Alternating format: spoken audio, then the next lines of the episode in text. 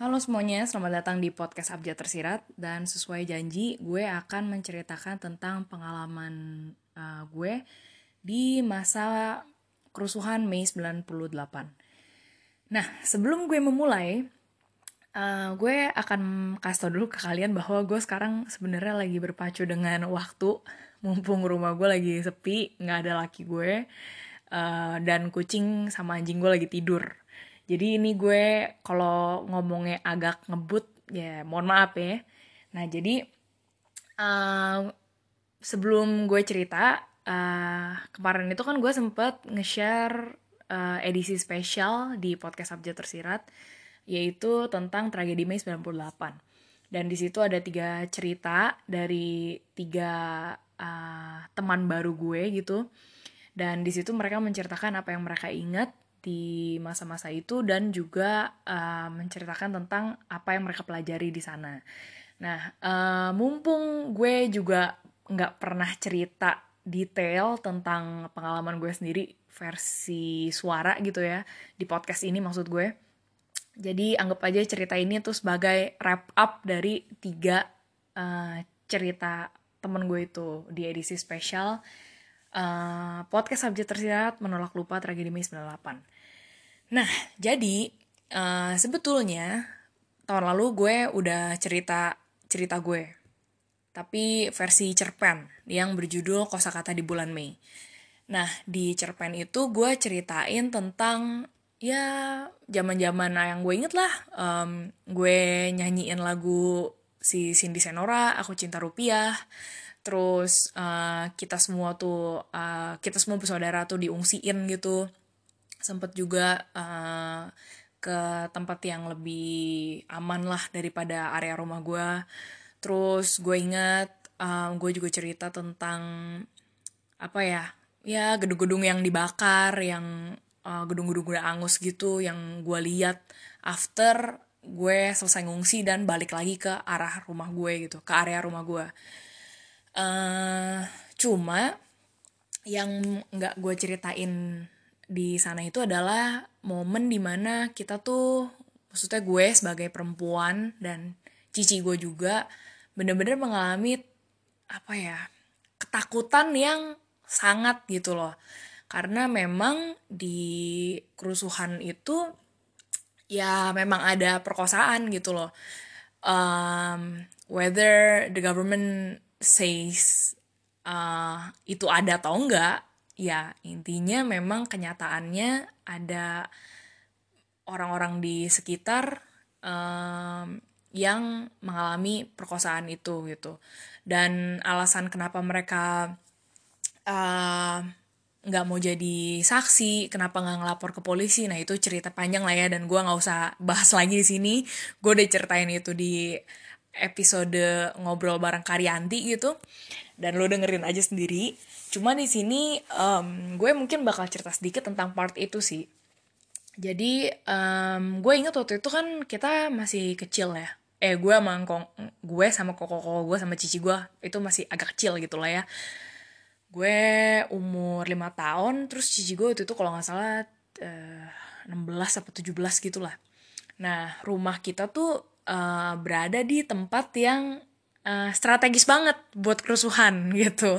Jadi gue tinggal di daerah Jakarta Barat uh, dan uh, bokap gue di gang rumah itu itu yang satu-satunya punya uh, pabrik sendiri gitu. Jadi pabrik uh, makanan ringan gitulah. Nah, singkat gue tuh di jalanan itu yang Chinese itu, yang Tionghoa maksud gue, itu cuma dua keluarga deh, tiga keluarga lah paling banyak. Nah jadi kan emang kita minoritas ya di sana. Cuma untungnya udah dari berapa tahun sebelumnya tuh uh, bokap nyokap gue memang menjalin relasi yang baik gitu nggak kayak tipikal stereotip Cina-Cina pelit yang minta digampar-gamparin nah jadi akhirnya uh, waktu kejadian Mei 98 itu uh, warga-warga setempat lah kayak Pak Haji segala macem uh, ibu warung itu tuh ngebantuin jagain uh, pabrik kita. Dalam artian ngejagainnya bukan di depan pagar jadi bodyguard cuma um, kayak pabrik bokap gue tuh pagarnya ditulisin milik pribumi. Terus habis itu um, kalau misalnya ada kayak uh, apa ya grup yang mau mau mau apa mau ngejarah kali ya grup yang mau ngejarah di gang itu itu biasa tuh ditanyain ini ada Cina nggak di sini? Dan itu beneran guys. Gue gue bukan yang ngomong itu dibuat-buat untuk apa ya memberikan sentimen ya. Cuma emang itulah apa adanya separah itu gitu sentimen di saat Mei 98 itu langsung ditanyain brek gitu ada Cina nggak di sini? gitu. Dan um, ya rata-rata semuanya enggak enggak enggak ada enggak ada gitu lah ya. Kalau enggak ya abis lah pabrik bokap bokap nyokap gua kan. Nah jadi um, ya udah untungnya uh, pabrik bokap nyokap gue tuh nggak dijarah sama sekali. Cuma itu gue koko koko gue itu semuanya nggak ada yang sekolah sama sekali. Dan kita bener-bener harus diem doang di kamar. Kayak lu tuh cuma boleh keluar kalau kalau nggak ada apa-apa sih. Gue nggak boleh keluar sih intinya karena gue inget banget itu berminggu eh nggak sampai berminggu-minggu lah ya. Satu mingguan lah. Gue tuh cuma di kamar nyokap gue doang karena di sana udah ada uh, wc um, tv segala macem. Nyokap yang anterin makanan ke dalam kamar biar kita nggak berisik ada ketahuan ada suara anak kecil gitu apalagi cewek kan. Dan waktu itu tuh gue inget tuh gue tuh berisik gitu bacot kan masih kecil gue teriak-teriak lah nyanyi-nyanyi lagu si Cindy Senora atau Aku Cinta Rupiah. Dan nyokap gue dong langsung masuk ke kamar jebret gitu kan. Uh, langsung suruh gue jangan bacot gitu jangan jangan berisik. Dan uh, sebenarnya di tulisan cerpen yang gue share tahun lalu itu uh, agak gue dramatisir. Ya demi bikin itu jadi quotable kan uh, di situ gue tulis uh, diam kamu itu Cina kamu itu perempuan. Kalau misalnya kamu berisik kamu itu bisa diperkosa sama mereka. Gue kalau nggak salah tulis kayak gitu. Nah aslinya enggak aslinya nyokap gue nggak ngomong sebako itu juga. Cuma intinya nyokap gue bilang lu tuh jangan berisik lu tuh lu tuh perempuan tau nggak? Lu tuh Cina. Lu mau diapain gitu. Dan itu tuh gue bingung banget kayak kenapa gitu? Kan gue berisik doang gue juga kagak tahu gue Cina gitu kan. Ih gue tahu gue cewek gitu kan. Dan itu stuck aja sih di otak gue karena gue nggak ngerti itu kenapa gitu loh. Nah terus um, nggak lama tuh gue juga inget uh, ini tapi part yang berikut ini yang bakal gue ceritain ini gue nggak cerita di cerpen.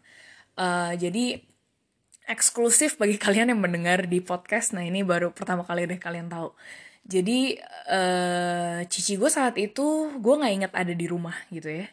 Uh, terus gue inget bokap nyokap gue tuh uh, nyokap gue sih lebih tepatnya kayak sering nangis gitu. Uh, megang telepon rumah kayak kontak-kontak orang-orang. Terus um, bokap gue juga udah kayak satpam gitu nungguin di depan terus ngecekin TV berkali-kali gitu kan ngecekin berita. Dan uh, suatu ketika gue inget set eh ngapain lagi? Nih Hello lah. Ya elah mesin ini gue Alexa bunyi dong. Halo Nicolino. Capek dah. Aduh yaudah udah maaf maaf. Kesalahan teknis. Ya anjing gue dateng kan. Aduh aduh aduh. Yaudah udah diem. Yaudah lanjut. Aduh maaf ya tadi lagi seru padahal. Iya lanjut lanjut. Nah terus akhirnya uh, si cici gue itu uh, gue inget jarang ada di rumah. Tapi uh, setahun atau dua tahun setelahnya cici gue tuh sempet cerita ke gue. Dia ngomong kalau um, waktu lagi 98 itu dia tuh mobilnya udah sempet di stopin terus gue nanya dong hah emang lu ke mana ya saat itu ya? Terus kok lu bisa naik mobil? gue bilang gitu. Dan dia cerita um, iya waktu itu waktu lagi Mei 98 itu gue tuh kena tipes. Maksudnya cici gue kena kena tipes uh, parah dan mau nggak mau harus di uh, taruh di rumah sakit. Dan rumah sakitnya waktu itu uh, kalau lo inget Gerha Medica cuy. Itu yang ada di mana sih? Tol pinggir Kedoya ya? Yang di situlah pokoknya Jakarta Barat. Nah itu kan heboh ya um, area situ tuh yang titik-titik uh, kerusuhan di sana dan cici gue waktu itu nggak mungkin lah nyetir sendiri atau bokap gue nyetirin gitu dengan muka yang secina itu gitu kan jadi mau nggak mau bokap gue mengutus uh, beberapa karyawan yang memang uh, bukan Chinese, bukan Tionghoa, uh, untuk nemenin cici gue. Gue nggak tahu lah ada berapa orang di mobil, tapi intinya mereka uh, nemenin cici gue ke rumah sakit. Nah, saat itu tuh kalau nggak salah cici gue cerita uh, dia tuh dipakein mukena atau jilbab lah. Pokoknya intinya yang nutupin perawakan dia lah ya biar nggak kelihatan kalau langsung straight away oh lu Cina gitu. Nah short story, gue nggak tahu di jalanan mana, let's say lagi setengah perjalanan lah ya. Uh, di setengah perjalanan itu tiba-tiba uh, mobil mereka diberhentiin gitu dan langsung ditanya digetok, eh ini ada Cina nggak di sini? Gitu. Dan itu kalau nggak salah bener-bener momen di mana cici gue udah panas kan badannya gara-gara tipes. Itu udah makin panas dingin gitu udah campur panas dingin udah udah takut banget karena aduh kalau sampai ketahuan tuh lo abis beneran lo tuh eh uh, ya diturunin terus ya udah lu diperkosa rame-rame gitu loh di jalan. Dan aduh gue sampai eh uh, ih merinding ngebayangin deh uh, ya ditanyain terus abis itu kalau nggak salah uh, karyawan yang nyep, yang nyopir lah ya karyawan bokap gue ngomong enggak enggak nggak ada kok ini kita lagi mau jalan aja ke rumah sakit atau gimana lah gue nggak tahu dia ngomong apa. Terus uh, kalau nggak salah tuh orang yang ngetok nanya lagi bener nih nggak ada Cina. Itu kok cewek yang di belakang matanya sipit. Gitu. Dan itu tuh maksudnya cici gue anjrit kan.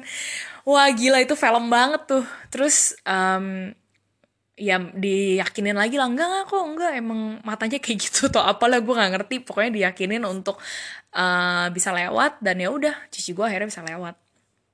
Uh, dan akhirnya bisa sampai ke rumah sakit gitulah. Itulah ending ceritanya dan memang kalau misalnya keluarga gue nginget-inget itu lagi gitu ya maksudnya tentang Mei 98 itu memang cukup sensitif sih untuk ngebahas tentang uh, kejadian cici gue itu. Karena memang deg-degan banget dan uh, waktu Mei 98 sih keluarga gue yang bisa mereka inget ya kebanyakan pertolongan dari uh, teman-teman bokap uh, karyawan-karyawan bokap yang memang bukan Tionghoa gitu loh jadi sebenarnya dari pengalaman gue ya waktu tentang Mei 98 itu itu kan dipermainkannya uh, apa ya bensinnya itu lah ya untuk membakar amarah masyarakat itu adalah etnis uh, Tionghoa kan yang kena sasaran saat itu uh, dan uh, itu tuh kejadiannya nggak langsung 98 jebret gitu kayak gitu aja. Tapi nggak itu udah berulang-ulang dari tahun-tahun sebelumnya gitu loh.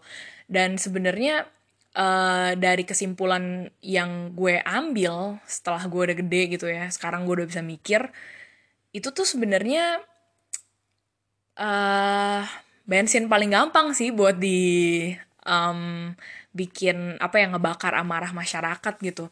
Dan gue ngerasa di saat itu sebenarnya lu bisa lihat eh, maksudnya as in sebagai Chinese nih gue sekarang kan uh, sebagai kaum Tionghoa gitu. Lu bisa bilang kalau kayak ya itulah tuh Mei 98 tuh pribumi emang kayak gitu semuanya. Ya paling gampang kan lu untuk ngegeneralize satu kaum gitu kan. Padahal tuh aslinya kenyataannya tuh enggak banyak banget. Dalam kasus gue ya dalam kasus gue itu banyak banget yang nolongin kita yang bukan Tionghoa gitu loh. Dan itu bikin gue mikir ya ini berarti sebenarnya bukan orang yang pribumi yang jahat atau apa atau gimana cuma ini tuh permainan pemerintah lah gitu pada saat itu gitu loh. Dan uh, cerita personal gue tentang Mei 98 ini bener-bener membekas banget ke gue karena uh, untuk gue itu memang gue tidak mengalami trauma fisik ya beruntungnya. Cuma lebih kepada kebingungan di otak gue saat itu untuk mencerna dunia sih. Karena di saat itu gue akhirnya baru tahu kalau oh identitas gue tuh Cina eh ternyata gitu. Dan ternyata tuh uh, di luar dari gue itu ada sebutan lainnya untuk orang-orang yang pribumi ini. Dan sebutannya banyak banget lagi sebutan-sebutan di kaum kita yang meng apa sih merendahkan kaum kaum yang lain gitu ya maksud gue dan kalau lo dari kecil belajar kayak gitu kan lu langsung mempelajari bahwa oh berarti tuh kalau misalnya lu Cina lu uh, agamanya mesti Kristen, Katolik, Buddha, lu nggak bisa agama Islam kalau misalnya lu di Cina dan sebaliknya gitu. And it's kinda like fucked up gitu karena menurut gue kalau lu dari kecil udah belajar kayak gitu, the only way untuk lo bisa merubah pikiran itu adalah dengan lo somehow diberikan kesempatan untuk keluar dari uh, komunitas lu yang homogen banget nih yang isinya cuma cici-cici Cina Jakarta yang berasa kece banget gitu. Dan um, perubahan gue uh, perubahan otak ya maksudnya uh, yang paling besar itu pas gue tahun 2010 itu gue keluar um, dari komunitas gue uh, karena gue uh, harus sekolah di luar negeri gue ke Australia dan uh, di situ gue sempet ceritain uh, pengalaman gue di episode pertama gue sama Iboy lu dengerin aja ke sana karena gue nggak mau repeat berulang-ulang di sini. Dan uh, itu jadi poin di mana gue mikir sih anjrit gue tuh rasis dan bigot banget ya. Kayak um, segitunya gue temenan sama yang Cina-Cina melulu sampai pas gue ketemu temen yang di luar Cina dan di luar Kristen gue tuh kagok gitu. Manggil mereka tuh mau kakak atau koko atau cici atau mbak atau mas. Kayak itu kan hal yang kecil banget ya maksud gue. Dan um, gue sih juga ngerasa tuh yang paling gila ya tentang Mei 98 untuk gue itu adalah uh, tentang identitas diri lo sih identitas uh, dalam konteks cultural eh dalam konteks culture gitu menurut gue. Karena uh, waktu tahun 99 atau 2000 lah ya nggak uh, lama dari 98 itu um, keluarga gue tuh um, tinggal di komplek perumahan kan kita akhirnya pindah rumah dari area yang pertama uh, yang ada pabrik bokap gue itu dan di situ tuh sering banget masa-masa di mana kita lagi naik sepeda nih siang bolong terus habis itu tiba-tiba ada anak kampung ngejer kita dan teriakin kita gitu Cina lo, Cina, why Cina gitu. Dan itu gue nggak bohong loh kayak maksudnya waktu masih kecil kan gue nggak ngerti ya ada apa kan. Tapi itu akhirnya gue ngerti, oh itu tuh karena gue tuh dibenci gitu. Tapi gue juga nggak ngerti kenapa gue dibenci. Karena it's such a complex issue kan. Dan di mana yang lo pikir kalau lo dibenci ya lo mesti benci balik gitu di saat itu. Dan waktu itu koko gue juga pernah sempet cerita gitu kayak dia uh, pulang rumah ngos-ngosan. Terus uh, gue nanya kan kenapa lo? Dan uh, koko gue cerita iya gila gue dikejar anak kampung kayak mau dilemparin petasan gitu gara-gara gue Cina. Dan gue inget kita ketawa sih saat itu cuma pas makin lama makin gede akhirnya makin mikir wah gila ya. Berarti itu emang after May 98 itu bener-bener kegantung gitu aja gitu loh. Eh, nggak uh, ada penyelesaian sejarah dari pemerintah yang jelas gitu uh, yang ada cuma naratif-naratif. Kalau lo denger dari bokap nyokap lu beda kalau lo denger dari orang lain beda kalau misalnya lo denger dari cerita gue beda dan the only way sih untuk uh, ini wrap up lah ya ini. Uh, the only way sih menurut gue untuk kita akhirnya bisa mendapatkan sesuatu dari kejadian Mei 98 ini adalah bukan untuk mencari siapa yang benar siapa yang salah siapa yang mulai siapa yang nyelesain. Tapi lebih ke ini tuh diskriminasi ras selalu dijadiin kartu as gitu di Indonesia. Agama gitu kan uh, Islam versus Kristen lah siapa pun itu uh, Cina versus pribumi gitu misalnya. Dan kalau misalnya nih ini gue terdengar seperti uh, guru sejarah. Cuma menurut gue kalau misalnya kita nggak pernah look back dan mempelajari apa sih yang terjadi gitu ya di isu sosial di sekitar kita gitu. Nggak usah ngomongin tentang sejarah lah kayaknya berat banget gitu. Tapi isu sosial mengenai hal itu salah satunya. Ya kalau kita nggak belajar itu itu bakal terulang gitu loh. Dan masalahnya tuh ini bukan mau menjadi idealis ya atau apa tapi lebih ke lu tuh hidup di dunia kalau gue sih mikirnya lu tuh hidup di dunia apa gunanya kalau lu tetap ngulangin kesalahan yang sama kayak sejarah punya yang dulu gitu loh? Itu kan namanya lu mau sekolah tinggi setinggi apa pun tapi lu tetap ngulangin sejarah yang sama di masa lalu kan nggak ada gunanya sama aja lu goblok kan? Maksud gue sih gitu. Dan kalau misalnya lu udah sekolah tinggi tinggi lu berasa kayaknya lu oke okay banget tapi lu memperlakukan orang yang beda sama uh, lu agamanya atau looksnya cuma karena perkara mereka beda belief dan mereka dilahirin dengan kulit yang berbeda uh, sarjana lo kerjaan lo yang tinggi tuh nggak ada gunanya menurut gue nggak ada faedahnya. Itu sama aja. Udahlah makan tai aja itu buangnya lo ke sampah yang kayak gitu-gitu. Dan itu sih wrap up dari gue tentang Mei 98 gitu bahwa uh, dari tiga cerita yang gue denger uh, di edisi spesial kemarin plus dari cerita gue juga yang mungkin lo orang tahu sekarang gitu ya dalam versi yang sangat singkat banget um, lu bisa denger cerita yang beda-beda gitu.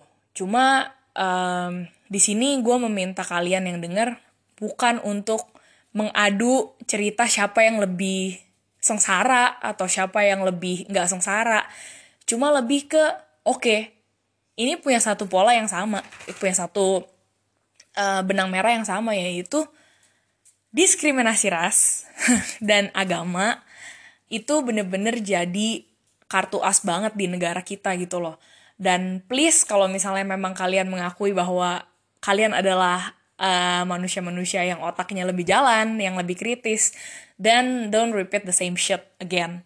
Di mana um, kita tetap uh, apa ya punya unconscious bias dengan komunitas atau agama tertentu gitu loh. Uh, gue ngomong ini bukan bilang kayak gue bener banget ya. Cuma ini lebih kayak pengingat juga sih buat gue kalau misalnya gue udah mulai goblok-goblok lagi ya gue dengerin episode ini terus gue mikir oh iya otak gue berarti pernah bener. Dan ya itu juga yang gue harapkan uh, setelah kalian dengerin cerita ini.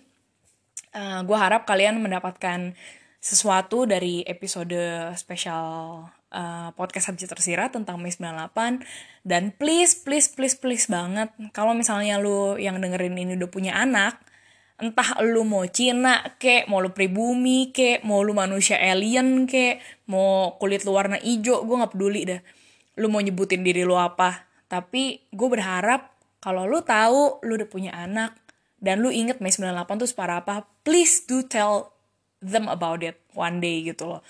Um, semoga sih lu ceritanya juga nggak yang rasis-rasis ya. Uh, cuma maksudnya nggak memberikan benih kebencian gitu cuma ya ajarlah ke anak lo tentang sejarah Indonesia mengenai kasus-kasus yang kayak gitu. Karena kalau misalnya lo nggak ceritain hal itu ya itu akan berulang. Gitu. Dan kamu tidak mau kan anak kamu menjadi generasi yang bigot begitu aja sih dari gue. Uh, so um, tambahannya adalah um, gue cuma mau kasih tahu bahwa uh, tulisan abjad tersirat di bulan Juni akan mengalami uh, sebuah eksperimen baru. Karena gue ngerasa tulisan gue lately bener-bener repetitif banget dan cuma mau gue tulis agar mendapatkan likes dan repost mata dan gue mulai ngerasa jadi burnout gara-gara itu. So gue bakal nulis mau-mau gue dengan segmen yang baru ini dan segmen ini akan muncul di bulan Juni bentuknya seperti apa nah kalian nanti akan uh, dapat updates di Instagram gue Nah, untuk mendapatkan updates-nya, uh, kalian bisa follow Instagram Abjad Tersirat di @abjadtersirat. Dan kalau misalnya kalian mau ngedengerin episode-episode podcast Abjad Tersirat yang lainnya, kalian juga bisa follow podcast ini. Uh, dan podcast ini bisa kalian denger di uh, Anchor, Spotify, Listen Notes, dan juga Apple Podcast. So, segitu aja cerita dari gue. Uh, thank you udah dengerin. Stay healthy, jangan keluar ke mana-mana. Dan semoga kalian tetap sehat selalu di masa pandemi ini. Bye!